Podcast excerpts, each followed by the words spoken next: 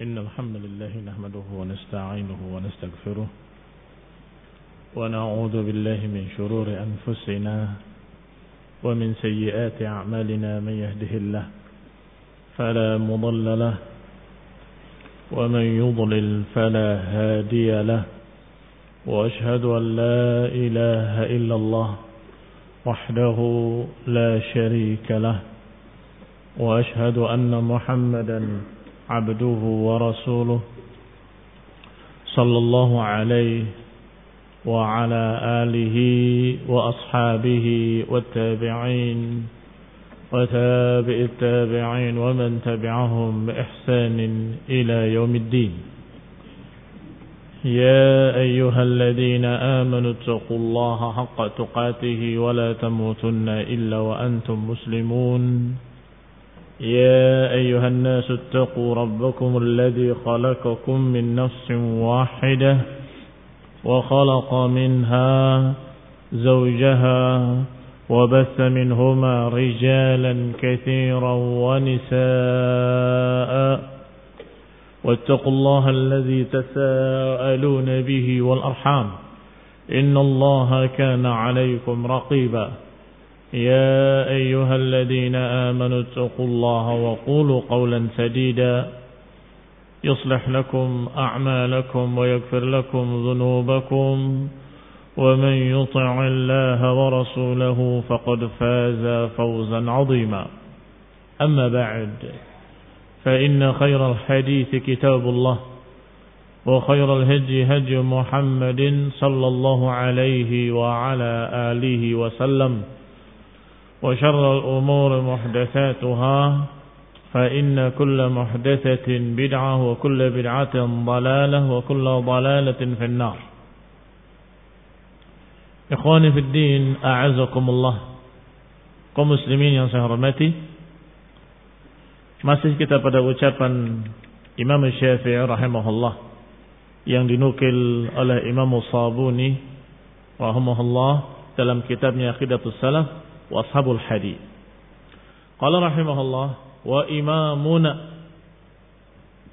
أبو عبد الله محمد بن إدريس الشافعي رحمه الله في كتابه المبسوط في مسألة إعتاق الرقبة المؤمنة في الكفارة لا يصح التكفير بها لخبر معاوية ابن الحكم وأنه أراد أن يعتق الجارية السوداء لكفارة وسأل رسول الله صلى الله عليه وسلم عن اعتاقه إياها فامتحنها رسول الله صلى الله عليه وسلم فقال من أنا؟ فأشارت إليه وإلى السماء. يعني أنك رسول الله الذي في السماء. قال اعتقها فإنها مؤمنة. kata penulis wahul Imam Abu Ismail As-Sabuni rahimahullah Abu Uthman Ismail As-Sabuni rahimahullah menyatakan bahwasanya imam kami Imam Syafi'i Bahkan beliau menyatakannya radhiyallahu anhu yang menunjukkan bahwa beliau memang Syafi'i. Madhabnya madhab Syafi'i dan beliau dari ulama Syafi'iyah. Sehingga menyebut Imam Syafi'i dengan imamuna Abu Abdullah Muhammad bin Idris Syafi'i rahimahullah dalam kitabnya Al-Mabsut. Al-Mabsut ini kitab yang luas, maksudnya kitab beliau yang luas. Imam Syafi'i memiliki muallafat, memiliki tulisan-tulisan banyak. Dan yang paling luasnya adalah kitab Al-Um. Kitab induk, kitab Al-Um. Dan kalimat tersebut terdapat dalam kitab besarnya. Yaitu kitab Al-Mabsut atau Al-Wasi' Al-Muwassa' yaitu kitab Al-Um. Wahada nas aydan mawjudun fil risalah. Dan juga tulisan beliau ini atau ucapan beliau tentang masalah ini ada dalam kitab Ar-Risalah. Risalah itu kaedah-kaedah usul. Bahkan dikatakan sebagai awal pertama seorang yang menulis usul fiqh adalah Imam Syafi'i. Yang dia tulis dalam bentuk risalah atau dengan judul Ar-Risalah di dalam kitabnya Al-Um. Ada kitab risalah. Dan beliau rahimahullah adalah orang yang pertama ya, menyusun dalam bentuk buku atau dalam bentuk tulisan tentang usul fiqh. Dan dalam bukunya Risalah juga terdapat kalimat ini. Kalimat tentang masalah i'tikha fa innaha mu'minah. Karena memang berkait pula dengan masalah usul. Yaitu pembahasan tentang dibawanya kalimat mutlak kepada muqayyad. Nanti akan dibahas oleh Syekh Rabi hafizahullah dalam syarahnya. Kalau Syekh Rabi hafizahullah di dalam syarahnya fal Imam Syafi'i wa jumhurul ulama ala anna raqaba fi kafaratil qatl khata'an la budda an takuna mu'minah. Para ulama Imam Syafi'i dan lain-lainnya, jumhur, kebanyakan para ulama, semua berkata, bahwasanya memerdekakan budak untuk tebusan karena membunuh dengan tidak sengaja, itu harus budak yang mukminah, harus budak yang beriman. Tidak boleh budak yang dalam keadaan kafir. Wahada mansusun fi kafaratil qatl. Dan ini disebutkan secara nas dalam kafarah pembunuhan. Dalam tebusan pembunuhan. Sebagaimana Allah katakan dalam Al-Quran. Wa man qatala mu'minan khata'an fatahriru raqabatim mu'minah. Siapa yang membunuh seseorang khata'an karena keliru, fatahriru raqabatin mu'minah, maka merdekakanlah budak yang mukminah. Disebutkan dengan jelas raqabah mukminah, ada kalimat mukminah. Nassan sarihan. Sedangkan pada kafarah yang lain tidak disebutkan secara sarih. Qala Syekh Hafizahullah, Syekh Rabi Hafizahullah, wa fi kafaratil yamin wa kafaratud dihar ja'at raqabah mutlaqah. Disebutkan kalimat budak secara mutlaqah. Mutlaqah artinya enggak diberi sifat. Enggak diberi keterangan tambahan budak yang seperti apa. Enggak ada. Seperti dalam Al-Quran disebutkan fatahriru raqabah. Enggak disebut raqabah mukminah. Fatahriru raqabah ini yang namanya mutlak. Kalau sudah ada keterangannya mukminah namanya muqayyad. Terikat dengan sifat mukminah. Qala laysat mausufah wala muqayyadah. Kalimat raqabah dalam uh, kafarah yamin, kafarahnya sumpah atau kafarah dihar yang bersumpah untuk tidak menjimai istrinya dan menyatakan anti kadhahri ummi bahwa engkau seperti punggung ibuku itu juga disuruh untuk memerdekakan budak. Tetapi nggak disebut budak yang seperti apa. Mutlakan qala fasyafi'i maka para syafi'i dan para ulama wa immatul islam hamalul mutlaq alal muqayyad. Perhatikan berarti ada tiga masalah di dalam Al-Qur'an ada tebusan pembunuhan, ada tebusan karena mendihar istrinya, ada tebusan karena sumpah yang dibatalkan. Semuanya harus memerdekakan budak. Tetapi yang satu disebutkan raqabatin mukminah dengan muqayyad. Sedangkan yang lain tidak disebutkan mukminah dengan mutlakan. Pokoknya merdekakan budak. Ternyata Imam Syafi'i wa immatul Islam dan para imam-imam kaum muslimin, para ulama, hamalul mutlak alal muqayyad. Mereka membawa yang mutlak kepada yang muqayyad. Sebagaimana dalam tebusan atau dalam kafarahnya pembunuhan dengan tidak sengaja harus yang mukminah, demikian pula pada dihar, demikian pula pada sumpah yang dibatalkan. Harus memerdekakan budak yang mukminah. Kenapa? Ini mutlak, itu muqayyad. Padahal sama-sama kafalah. Maka yang mutlak dibawa kepada yang muqayyad. Ini barakallahu fikum salah satu dari kaidah-kaidah usul. Al-mutlak yahmal ala al-muqayyad. Qala Qalu la budda fi kafaratil yamin wad dihar maka pada tebusan sumpah ataupun tebusan dihar Antakun raqabah al-muharrarah mu'minah. Harus budak yang dimerdekakan adalah orang yang beriman. Budak yang beriman. Wala yasihhu itqur raqabatil kafirah. Dan tidak sah kalau yang dimerdekakannya adalah budak yang kafir. Waraqabah yakni al-abd al-mamluk. Yang dimaksud raqabah walaupun terjemahannya leher, memerdekakan leher, tetapi maknanya adalah seorang budak yang dimiliki laki-laki maupun perempuan. Laki-laki maupun perempuan. Fala yasihu 'indahum 'itqur raqabah al-kafirah kafaratan 'anil yamin. Maka mereka para ulama tersebut termasuk Imam Syafi'i di dalamnya mereka menyatakan tidak sah memerdekakan budak yang kafir dalam tebusan sumpah atau dalam tebusan dihar. Kenapa demikian? Hamlul mutlak alal muqayyad. Karena yang mutlak dibawa kepada yang muqayyad. Baik. Wan nas fi kafaratil yamin wa fi kafaratil dihar mutlaqun. Nas dalam kafaratul yamin dan dalam kafaratul dihar mutlak. Hanya disebutkan merdekakan budak titik. Enggak ada keterangan apa-apa. Budak yang seperti apa. Sedangkan pada kafarah pembunuhan disebutkan raqabatin mu'minah. Dengan muqayyad, dengan diikat syarat yaitu harus mukminah. Qala fatahmilun nususul mutlaqa ala hadzal nass al muqayyad. Maka ini salah satu contoh kaidah usul bahwa yang mutlak dibawa kepada yang muqayyad. Baik. Sekarang hadisnya secara lengkap. Wa mimma yu'ayyid hadzal madhhab. Imam Syafi'i setelah menyebutkan kaidah ini, beliau memakai dalil. Apa dalilnya? Dalilnya mimma yu'ayyid hadzal madhab di antara yang mendukung madhab ini, madhab yang mutlak dibawa kepada muqayyad adalah kisah yang dibawakan diriwayatkan dari sahabat Muawiyah ibn Hakam As-Sulami. Qala kanat li jariyatun.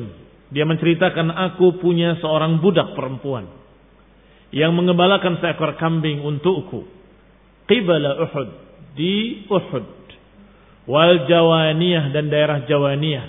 Fattala'tu dzata yaumin maka aku melihatnya, mengontrolnya pada satu hari. Fa idza dzi'bu qad dhahaba bi syatin. Dalam keadaan itu aku melihat seekor serigala membawa kambing tadi, membawa lari kambing tersebut atau salah satu dari kambing-kambingnya. Wa ana rajulun min bani Adam, sedangkan aku adalah seorang dari kalangan anak Adam. Yani aku manusia biasa. Asifun kama ya'safun. Aku pun bisa marah seperti manusia marah. Lakin tuha sokatan. Maka aku pukul dia. Aku tampar dia dengan keras. Fa'ataituhu biha. Maka aku pun mendatangi. Fa'ataitu Rasulullah SAW. Maka aku mendatangi Rasulullah SAW. Menceritakan kejadian tadi. Dia menyesal. Setelah memukul budaknya, menyesal dan berkata pada Rasulullah SAW menceritakan kejadiannya. Fa'azzama dzalika alayya. Ternyata Nabi marah besar kepadaku. Qultu ya Rasulullah, afala a'tiqha? Ya Rasulullah, apakah aku merdekakan saja? Itu untuk menebus kesalahannya, apakah aku merdekakan saja? ternyata Nabi bersabda, "I'tini biha." Datangkanlah kemari budakmu. Maka didatangkan. Kemudian ditanya oleh Rasulullah SAW, Aina Allah?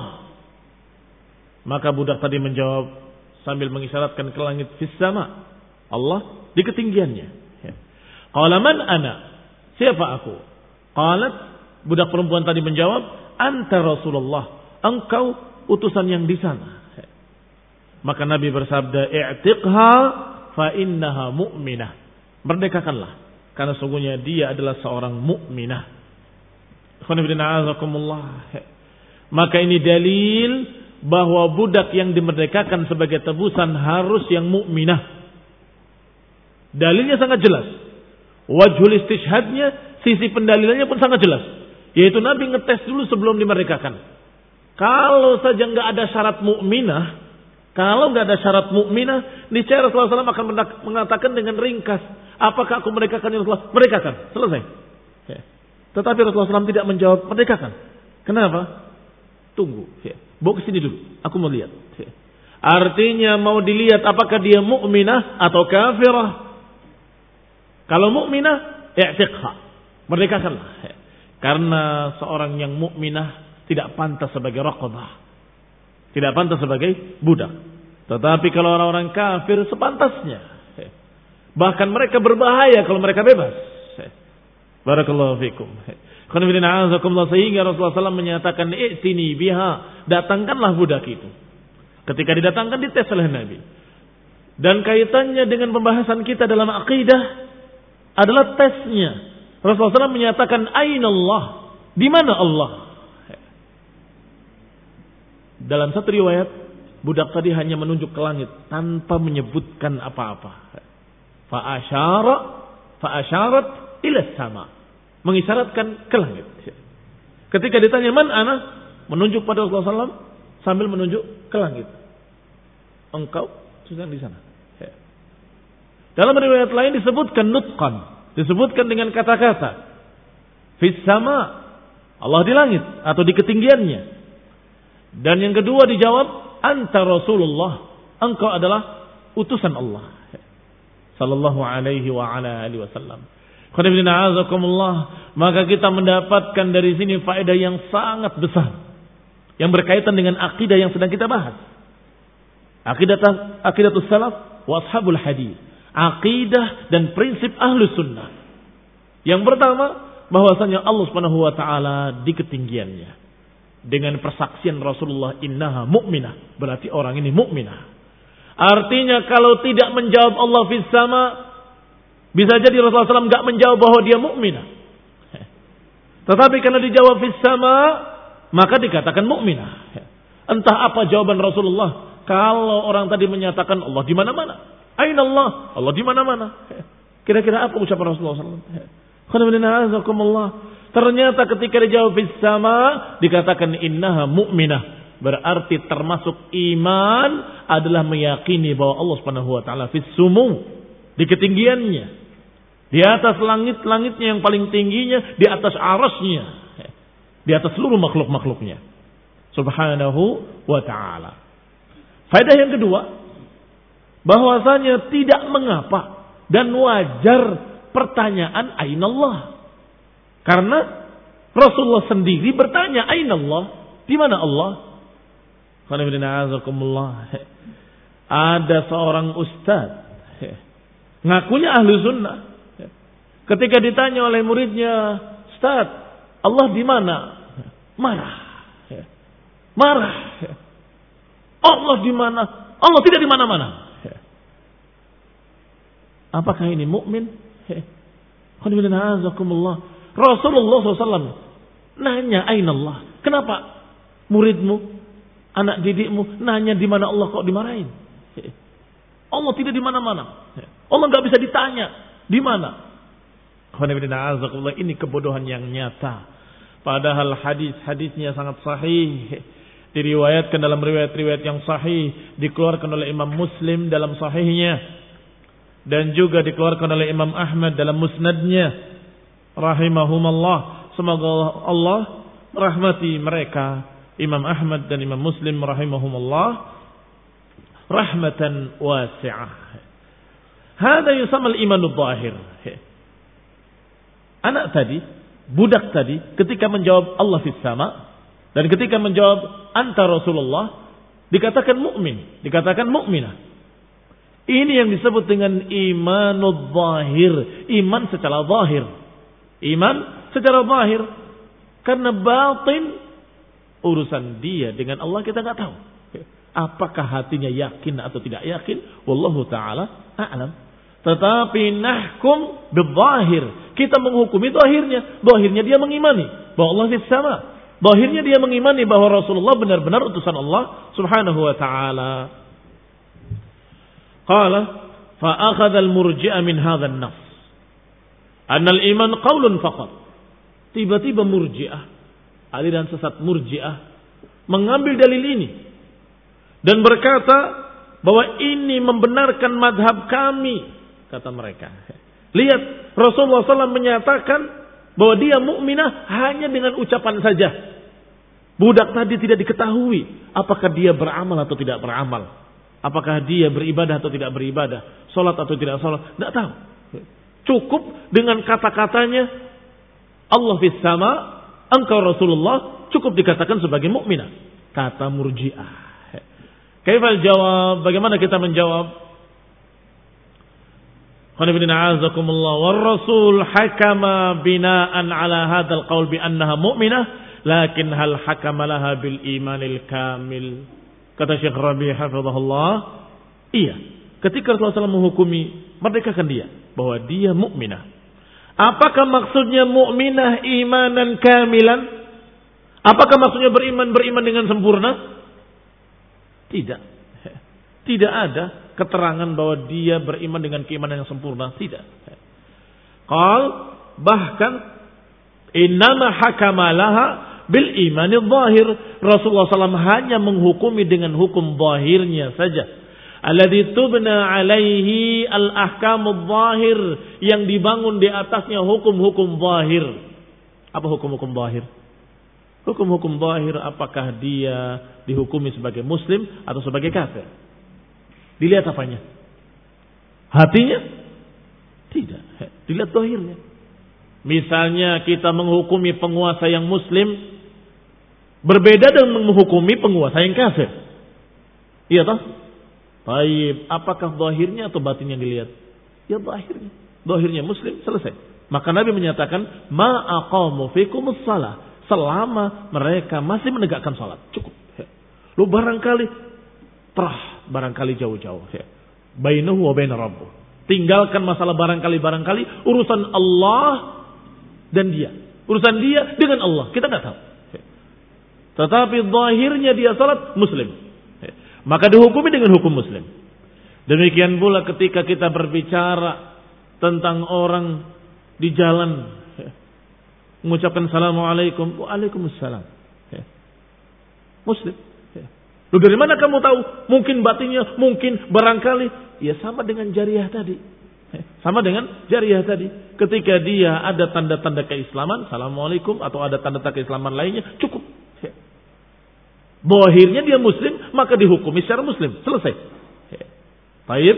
Berarti Rasulullah SAW menyatakan kepada jariah tadi bahwa dia mukminah artinya hukum zahir yang dibangun di atasnya hukum-hukum bahir. Dibangun di atasnya hukum-hukum bahir. Termasuk dimerdekakannya. Bahwa dia mukminah berarti sah kalau dimerdekakan. Selesai. Wal iman, adapun iman tetap. Sebagaimana dikatakan secara ijma oleh para ulama ahli sunnah. Yaitu qaulun wa amalun wa i'tiqad Tetap seperti apa yang diyakini oleh seluruh para ulama secara sepakat ijma bahwa iman ucapan, perbuatan dan keyakinan. Bertambah dengan ketaatan, berkurang dengan kemaksiatan. Walaysa mujarradul qaul walaysa mujarradut tasdiq. Iman tidak hanya ucapan saja, tidak hanya keyakinan saja. Wa ba'dhum yadhummu ila al-qaul wat tasdiq. Bahkan sebagian murjiah menyatakan digabungkan ucapan dan pembenaran. Itu pun belum cukup. Karena masih kurang i'tiqad masih kurang al-a'mal. Pengamalan maka mereka yang menyatakan qaulun wa i'tiqad masih tetap murji'ah masih tetap murji'ah walaupun ada istilah murji'atul fuqaha karena murji'ah yang paling ekstrim Menyatakan keyakinan saja cukup. Eling saja cukup. Pokoknya saya yakin dalam hati. Selesai. Walaupun belum menyatakan asyhadu an la ilaha illallah wa asyhadu anna Muhammad Rasulullah. Sehingga murjiah yang ekstrim ini berkata, bisa saja di kalangan Nasrani ada mukmin, bisa saja di kalangan Yahudi ada ada mukmin. Dia yakin kebenaran Islam tapi belum syahadat. Maka mereka mukmin. Cukup dengan keyakinan. Fahadab bal. Ini keyakinan balal, keyakinan yang sesat. Jenis kedua dari murjiah hanya lafban saja. Cukup dengan kalimat asyhadu la ilaha illallah wa asyhadu anna muhammad rasulullah. Walaupun nggak yakin dia mukmin. Tadi yakin saja walaupun tidak ikrar. Sekarang ikrar saja walaupun tidak yakin. Walaupun munafik menyatakan asyhadu la ilaha illallah wa asyhadu muhammad rasulullah kata munafik ini maka dia tetap dikatakan mukmin kamilul iman. Ini juga ekstrim. Ada murjiatul fuqaha atau murjiah yang lain yang menyatakan harus dengan ikrar dan harus yakin baru dia mukmin. Adapun amalan tidak masuk. Nggak ngaruh. Mau beramal begini begitu, imannya tetap sempurna. Eh, masih ingat ketika kita baca dalam syarah kedah tahawiyah dikatakan bahwa iman nggak ngaruh cukup syahadat yakin selesai Barakallahu fiikum. Maka dikatakan wa ma'adzalika hum murji'ah. Maka walaupun sudah dikumpulkan ikrar dengan keyakinan, tetap mereka masih murji'ah. Kenapa? Karena keyakinan, eh, karena pengamalan tidak dimasukkan dalam iman, sehingga mereka menganggap semua imannya sama dengan Nabi, sama dengan malaikat Jibril dan Mikail, sama dengan Abu Bakar wa Umar. Nggak ada bedanya. Wa min aqidatihim dan termasuk lemahnya atau bukti lemahnya akidah mereka kaum Murji'ah. Wa manhajihim dan manhaj mereka. Mereka selalu yata'allaquna bi ankabut. Mereka selalu bergelayut, bergantung dengan sarang laba-laba. Dalil yang mereka pakai sangat rapuhnya, sangat lemahnya. Bukan pada zat dalilnya, tapi pada istidlalnya. Lihat jangan salah paham. Bukan dikatakan lemah, dikatakan rapuh itu pada dalilnya bukan, tapi pada istidlalnya, pada pendalilannya. Seperti ayat tadi atau seperti hadis tadi. Disebutkan dalam hadis, "I'tiqha fa innaha mu'minah." Kemudian pegang. Lihat buktinya. Pendalilannya tidak ke sana. Kalau nakum ala zahir, maka kita diajarkan dalam Quran wa sunnah menghukumi secara zahir. Walaupun kita yakin batinnya akan dihisap oleh Allah, akan dilihat dan itu termasuk iman. Amalannya, bukti-buktinya juga termasuk iman. Tetapi untuk mengetahui seseorang, kalau dia muslim, dengan syahadat cukup apa enggak cukup? Datang kepada kamu seorang asyhadu la ilallah wa asyhadu Muhammad Rasulullah. Cukup apa enggak cukup? Cukup. Berarti dia muslim. Harus kita hukumi sebagai hukum muslim. Urusan dia apakah nanti mengamalkan atau tidak mengamalkan itu nanti. Tetapi secara sekarang bahir dia muslim. Contoh ketika Usama bin Zaid radhiyallahu taala anhu mau membunuh seorang kafir dalam jihad, dalam perang fisabilillah, tiba-tiba orang tadi menyatakan asyhadu an la ilaha illallah wa asyhadu anna Muhammad Rasulullah. Syahadat tok belum beramal apa pun. Nahkum ala islamihi walala kita hukumi secara Islam atau tidak? Dihukumi sebagai muslim dan tidak boleh dibunuh. Dihukumi sebagai muslim dan tidak boleh dibunuh. Sehingga ketika Usama membunuhnya karena menduga orang ini hanya melindungi dirinya dari pedangnya, maka Rasulullah marah besar. tahu ba'da ma qala la ilaha illallah? tahu ba'da ma qala la ilaha illallah? Diulang-ulang sampai Usama bin Zaid radhiyallahu taala anhuma menyatakan sungguh seakan-akan aku ingin masuk Islam sekarang aja. Baru sehingga ada nggak ada kejadian yang kemarin sudah tertutup semua. Berarti nahkum ala zahirihi. Kita menghukumi cara zahirnya. Tetapi ketika berbicara bagaimana iman, apakah ucapan saja cukup? Tidak. Iman harus ucapan, keyakinan dan pengamalan-pengamalan. Berarti mereka Kaum murjiah yata'allaquna bi khuyutil ankabut kama yuqal. Mereka bergantung dengan sarang laba-laba, dengan benangnya laba-laba. Tentunya nggak akan bisa menahan dia sama sekali. Wa inna auhanal buyut labaitul ankabut. Sungguh selemah-lemahnya rumah adalah rumahnya laba-laba. Fayata'allaq bi ayyi syai'in yara annahu hujjatan lahu ala tashihi madhabihi. Maka mereka selalu mengambil serampangan. Pokoknya ada yang kira-kira mendukung. Wah ini mendukung, ambil. Itu mendukung, ambil. Tanpa memahami apa maksudnya. Sepintas serampangan mereka ambil. Lakin ulul fiqhi. Tetapi para ulama ulul fiqhi. Pemilik fiqh dan pemahaman. Wanuha pemilik kecerdasan. Wal ilm pemilik ilmu. Ini para ulama alladzina faqihu kitab Allah wa sunnah rasulih orang-orang yang memahami kitab wa sunnah badda'uhum semuanya membid'ahkan murji'ah membid'ahkan murji'ah wa qalu dan mereka berkata Hadza dalalun. Berkata tentang Murji'ah bahwa Murji'ah dalalun. Wal istidlal bihadza laisa bisahih. Kata mereka para ulama ahlu sunnah berdalil dengan hadis ini laisa bisahih, tidak tepat sama sekali. Wala yasihu istidlaluhum wala yasihu istidlalukum bihadhihi al-qissah. Tidak bisa dibenarkan pendalilan kalian dengan kisah ini. Dengan kisah Muawiyah bin Hakam. Bimauqifil jariyah tentang sikap seorang anak tadi yang menjawab Allah fis sama dan menjawab anta Rasulullah wa mauqif Rasul dan sikapnya Rasulullah ketika menjawab i'tiqha fa innaha mu'minah tidak tepat pendalilan kalian. Ini berbicara tentang zahir awal pertama dikenal. Kamu kenal siapa kamu? Aina Allah? Man ana? Itu perkenalan. Dijawab engkau yang di sana. Berarti dia muslim. Berarti dia mukmin. Adapun kewajiban-kewajiban konsekuensi-konsekuensi akan diajari setelah itu. Kalau kamu muslim, kamu harus sholat. Kalau kamu muslim, kamu harus begini. Akan diajari setelah itu. Sama dengan tadi orang yang akan dibunuh menyatakan asyhadu an la ilaha illallah. Asyhadu anna Muhammad Rasulullah. Berhenti. Jangan ditebas dia. Sekarang dia muslim. Dia mukmin. Mukmin ala zahir. Zahirnya mukmin dihukumi secara iman bahwa dia tidak boleh dibunuh. Setelah itu baru dia cari. Yang namanya iman tuh harus harus dengan pembuktian, dengan pengamalan, mengesahkan Allah, tidak menyekutukan Allah, beribadah hanya kepada Allah dan seterusnya.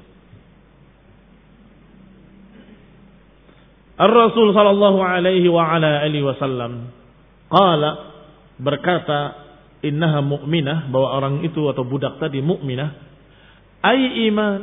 Iman apa itu yang dimaksud? Iman sempurna? Hal iman al-kamil? Al-jawab? La.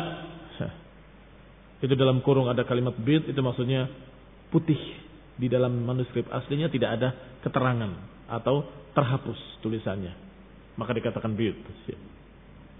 Al-jawabula. Maka jawabannya tidak. Bukan maksud Rasulullah dia mukmin dengan sempurna imannya bukan. Artinya dia punya intinya keimanan. Wa innamal imanu dhahir alladhi tubna alaihi ahkam. Hanya saja yang dimaksud oleh Nabi iman secara zahir. Bahwa dia sudah membuktikan keimanan secara zahirnya. Maka dibangun hukum-hukum di atasnya. Orang beriman tidak boleh dibunuh. Orang beriman kalau budak boleh dimerdekakan sebagai kafarah. Kalau dia beriman maka hukumnya begini, begini, begini. Itu dibangun di atasnya. Suma nandur. Lihat. Suma nandur. Kemudian kita lihat setelah itu.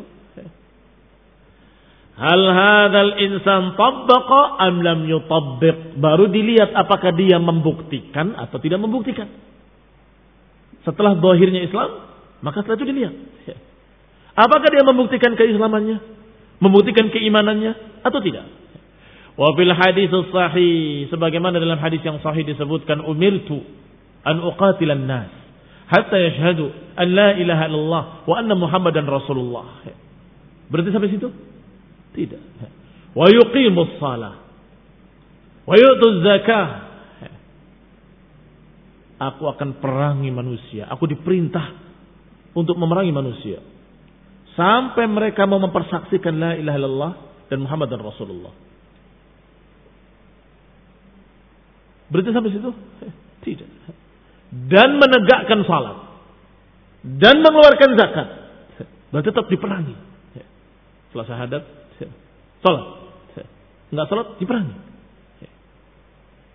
Tapi sudah salat, tahan tangan. Tahan pedang.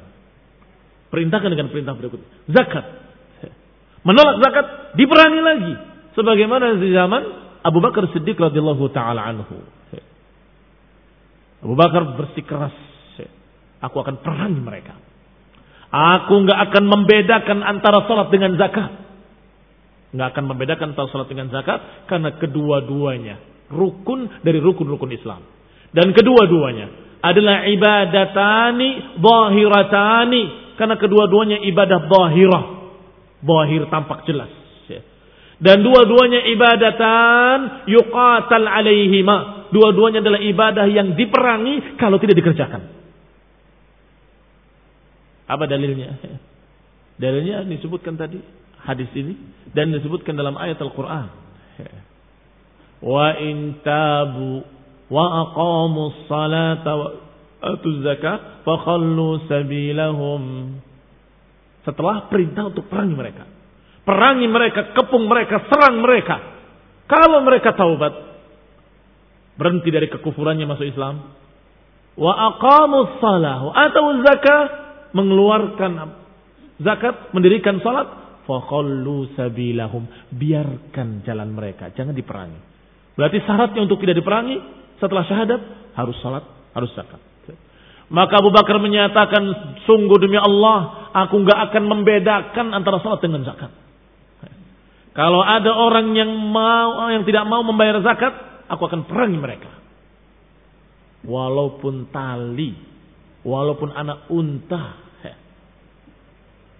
Walau kana inakan, kalaupun inakan, kanu yu'addunahu fi ahdi Rasulullah. Lau mana'uni inakan, kanu yu'addunahu ala ahdi Rasulullah, laqatalnahum alaih. Kalaupun seekor anak unta yang biasa mereka keluarkan sebagai zakat di masa Rasulullah, kemudian mana'uni, kemudian saat ini tidak mau memberikan zakatnya kepadaku, aku akan perangi mereka. Karenanya. Berarti bukan nilainya. Bukan nilainya, walaupun enakan. Bahkan dalam riwayat iqalan, walaupun seutas tali. Yang biasa dikeluarkan sebagai zakat, kemudian tidak mau mengeluarkan sebagai zakat, aku akan perangi mereka. Bukan nilai anak untanya, tetapi berarti dia menentang agama, menentang pondasi dari pondasi-pondasi Islam. Menentang rukun dari rukun-rukun Islam. Hada dalilun wadih. Dalil yang sangat jelas bahwa yang namanya iman, qaulun wa amal. Iman tidak hanya ucapan saja, enggak hanya ikrar saja. Harus pembuktian. Salat dan zakat. Tapi kenapa puasa? Gak diperangi. Kalau tadi disebutkan oleh Syekh Islam Ibnu Taimiyah rahimahullah, ibadatani zahiratan. Dua ibadah zahirah. Adapun puasa, ibadah batinah. Ibadah yang tidak terlihat. Bisa saja orang menyatakan saya puasa, padahal di rumahnya makan. Bisa saja dia mengatakan saya puasa, padahal dia di rumahnya minum di kamarnya. Bisa saja. Maka percuma. Ancaman barang siapa yang tidak puasa kami perangi maka akan ngaku puasa semua selesai. Tetapi kalau zakat didatangi oleh petugas zakat. Diaudit berapa jumlahnya. Keluarkan zakatnya. Sehingga kalau menolak terlihat. Demikian pula sholat. Diwajibkan ke masjid, maka terlihat. Kata Ibn Umar, aku tidak melihat orang yang tidak pergi ke masjid kecuali munafik. Aku tidak melihat orang yang tidak pergi ke masjid kecuali munafik. Memang di zaman itu seperti itu. Kalau sekarang bukan hanya munafik, ada juhal, ada orang bodoh, orang awam, orang yang nggak ngerti, orang yang setengah-setengah dalam beragama, orang yang nggak paham hukum salat wajib di masjid nggak pak. Ini khairan azakumullah. Tetapi ibadahnya jelas ibadah zahirah. Demikian barakallahu fikum hadis yang dibawakan oleh Imam Syafi'i rahimahullah. Ternyata sangat berkait dengan apa yang sedang kita bahas tentang tingginya Allah di sama dan tentang pertanyaan di mana Allah adalah pertanyaan yang syar'i, pertanyaan yang wajar, pertanyaan yang ditanyakan oleh Rasulullah SAW, maka tidak mengapa kita menanyakan pada seseorang Allah. Kalau ternyata salah jawabannya, kita luruskan. Kalau marah, ditegur. Kenapa marah? Rasulullah SAW bertanya dengan pertanyaan yang sama. Allah. Kalau kita tanyakan pada kaum muslimin hari ini, Allah. Di mana Allah? Bisa jawabannya macam-macam. Ada yang menyatakan Allah di mana-mana. Ada yang sebaliknya. Allah tidak di mana-mana. Ada yang menyatakan Allah di mana-mana. Ada yang menyatakan Allah tidak di mana-mana. Ada yang menyatakan kedua-duanya. Allah tidak di mana-mana, tetapi dia di mana-mana. Ini keanehan berikutnya. Ada yang keempat malah marah dengan pertanyaan itu. Allah tidak bisa ditanya dengan pertanyaan di mana. Karena Allah tidak menempati tempat, tidak menempati ruang. Yang bilang menempati ruang siapa? Kita menyatakan Allah maha tinggi di atas arasnya. Di atas seluruh makhluk-makhluknya. Dengan demikian. Alhamdulillah. Sangat jelas sekali dalilnya. Dan sangat jelas sekali pendalilannya. Dan demikianlah ahli sunnah wal jamaah. Wabillahi taufiq. Subhanakum bihamdik. Asyhadu an la ilaha astaghfiruka wa atubu. Wassalamualaikum warahmatullahi wabarakatuh.